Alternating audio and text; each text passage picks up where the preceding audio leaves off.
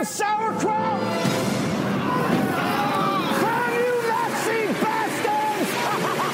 Rob on the radio comedy hour.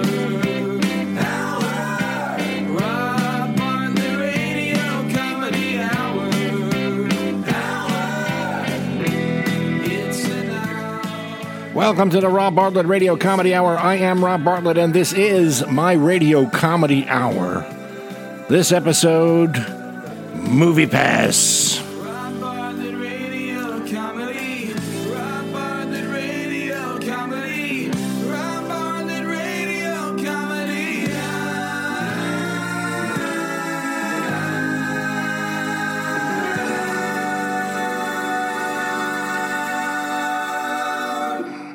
We're going to provide a review of Once Upon a Time in Hollywood, the ninth film by Quentin Tarantino.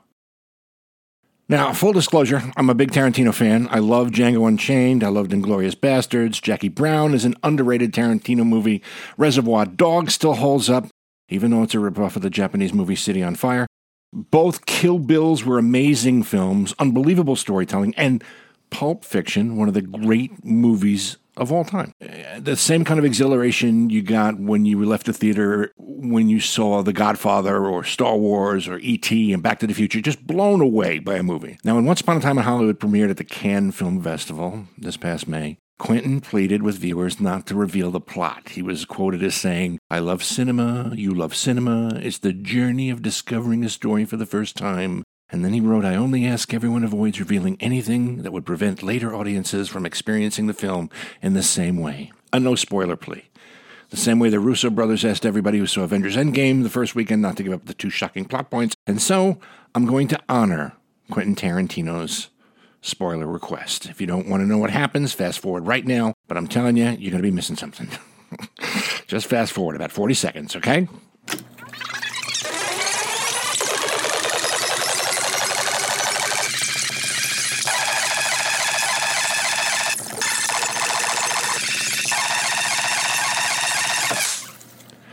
Okay, if you're still listening, here's the big spoiler about Once Upon a Time in Hollywood. It sucks! Jesus God Almighty, what a huge piece of shit. That's two hours and 45 minutes of my life I'm never going to get back. I sat there thinking, okay, it's going to pick up. It's going to pick up now. Here we go. Something's going to happen. Something's going to happen. Nothing happens. I mean, nothing. There's about two brutal minutes in the last half hour. Not the bloodiest Tarantino you've ever seen, but pretty violent. Brad Pitt shows a hippie a new way to use a phone. Every other Tarantino movie hooked you from the opening frames. Right from Jump Street, you're on board for the ride. You know the world that you're in. Reservoir Dogs, you're in the getaway car, and Tim Roth is bleeding to death in the back seat. Pulp Fiction, Tim Roth and Amanda Plummer talk about robbing banks in the diner. Boom, the opening credits. And then we have Jules and Vincent on the way to pick up the case talking about Royales with cheese. Kill Bill, Uma Thurman gets shot in the head at her wedding. I mean, you're on the edge of your seat. The opening scene of Inglourious Basterds, perfect example. Between the Nazi and the dairy farmer, the s- suspense. I mean, I was sweating in my seat. My ass was sweating. Django, Jackie Brown, you're hooked. Not so much Hateful Eight, but I blame Channing Tatum. He had no business being in that movie. Plus, it was three hours long, and almost all of it takes place in one room. Now, you could argue most of Reservoir Dogs takes place in one room, but they're flashbacks and they come back and forth, so that doesn't count. Hateful Eight should have entitled A Couple of White Guys Sitting Around Talking with Samuel Jackson, who, by the way, should have been in Once Upon a Time in Hollywood. Where's Samuel L. Jackson? There's so many cameos by actors playing other Hollywood stars. Damian Lewis from Billions and Homeland, he plays Steve McQueen, gets one scene. Could they not find a better wig for Steve McQueen? Why did they take Samuel L. Jackson's wig from Pulp Fiction and dyed it blonde? Why couldn't Samuel L. Jackson be Sidney Poitier? Shooting They Call Me Mr. Tibbs? Why couldn't he be Richard Roundtree auditioning for Shaft or something? Samuel L. Jackson has been in every Tarantino movie except for Reservoir Dogs. Even in Glorious Bastards, he's the narrator. He was even in True Romance, which Tarantino didn't direct, he just wrote the screenplay, which was a great screenplay, by the way, because it had a story. Once Upon a Time in Hollywood, there's no story. No story. Leonardo DiCaprio, a B movie actor, former TV star whose career's on the wane. I think he's supposed to be a cross between Burt Reynolds and Clint Eastwood. Brad Pitt plays his best friend, who's also his stunt double. And for 95% of the movie, they drink and, and they drive and, and they drive and they drink and they drive and then they drive and they drive and they drive and they drive. I'm not exaggerating. There's a scene where Brad Pitt is behind the wheel. It goes on for like four minutes. He's just fucking driving. You see 1969 Hollywood as he drives past it. You know, it's like Tarantino saying, Hey, everybody, look at the CGI Los Angeles. Look at all the marquees with movies from that year.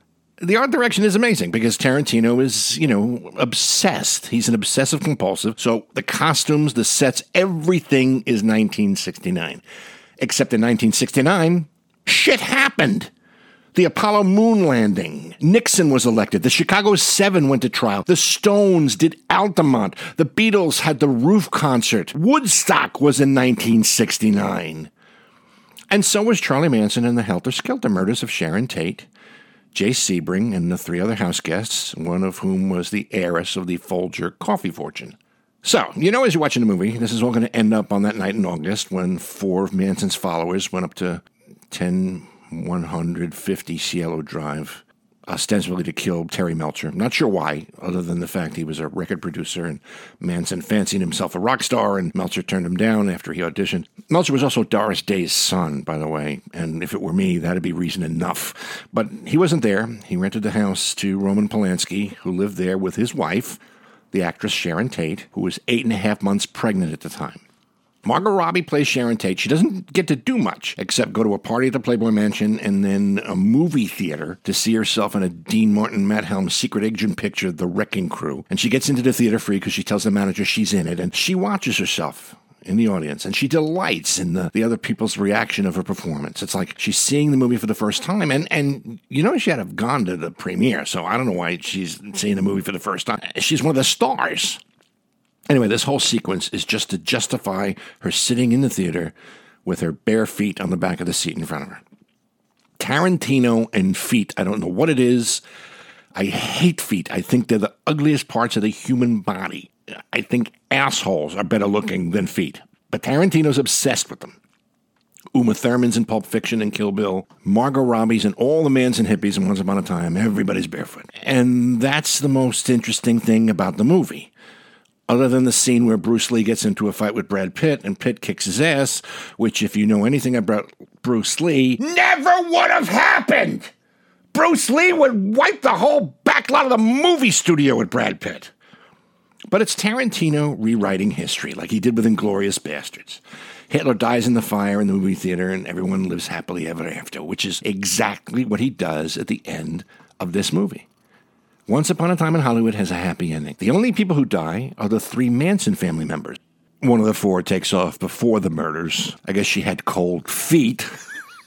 they go to DiCaprio's house instead, where Brad Pitt's feeding his dog while on an acid trip. DiCaprio's in the pool in the back with his headphones on, listening to music, so he's oblivious to Brad brutally murdering all the hippies. And you know, you already know he's capable of it because they set him up as a badass because he beat the snot out of Bruce Lee earlier on in the picture. So you really should have expected this little twist. This was the plot point Quentin Tarantino wanted to protect. And you know why he wanted to protect it? Because if everybody knew what happened, nobody would have gone to see this fucking movie. The only redeeming thing about the movie, aside from the performances, everybody in it was good. Uh, you know, Mike Moh, the guy played Bruce Lee, is amazing. Brad Pitt, Leonardo DiCaprio, Margot Robbie, they're all great. Al Pacino is Al Pacino the soundtrack, the one thing you have to say about Quentin Tarantino, he knows how to pick music for his films. And he has all these original songs from the 60s, including the Vanilla Fudge psychedelic cover of the Supremes' You Keep Me Hanging On during the big violent hippie killing scene in the end. You get Jose Feliciano's version of California Dreamin', Buffy Sainte-Marie's Circle Song, Bob Seger's Ramblin' Gamblin' Man, there's a lot of DJ chatter, uh, original DJ, I guess, air checks from KHJ Radio, Boss Radio DJs, including the real Don Steele, by the way, who was a big influence on Imus in the Morning. There's commercials from the era for cologne and suntan lotion and movies like The Illustrated Man and and the Batman and Robin TV series, which actually has Adam West and, and Burt Ward's real voices. There's not one, not two, but three Paul Revere and the Raiders songs. I guess because the aforementioned Terry Melcher was their producer. What kills me is some critics are falling all over themselves, calling this movie Tarantino's best. Some of them actually use the word genius. The Atlantic Monthly, the Christian Science Monitor, Vulture Online. The New Yorker's two critics, Anthony Lane, Richard Brody, they were split, fresh and rotten, respectively. Rex Reed vehemently didn't care for it. He hates everything, which is why I love him. Once Upon a Time in Hollywood got an 84 rating on Rotten Tomatoes. Now, I usually trust Rotten Tomatoes because it's an amalgam of critics and laypeople moviegoers. The laypeople liked it a little less than the critics, but I don't know much about art, but I know what I like. And I hated this movie. Why? Because it sucked! If Quentin wants to write revisionist history, then rewrite it that he didn't make Pulp Fiction and Kill Bill and Reservoir Dogs and Jackie Brown and Django Unchained and Inglourious Basterds, and that way you wouldn't be so disappointed in the movie. I wouldn't be so disappointed in this movie. So, my final movie pass rating verdict pass. I don't know what I'd do if I liked it. I couldn't say movie. That wouldn't make any sense. Maybe, maybe I better rethink this. Maybe, maybe I'll just change history myself. If you agree or disagree, drop us a line at Robio Radio Comedy Hour gmail.com. Check us out on Rob Bartlett Radio Comedy Hour Facebook page. Follow us on Twitter at The Robio, Instagram, Rob Bartlett Radio Comedy, and Robio 007. If you like the show, tell your friends and family and subscribe so you'll get every single episode waiting for you. Our program is produced by Gary Grant and me, Rob Bartlett, written by the great Andrew Smith and me, Rob Bartlett. The Rob Bartlett Radio Comedy Hour theme music and lyrics by Gary Grant, recorded and performed by Steve Mecca. No animals were harmed in the production of this podcast. See you next time on the Rob Bartlett Radio Comedy Hour, and until then, be good to each other, won't you?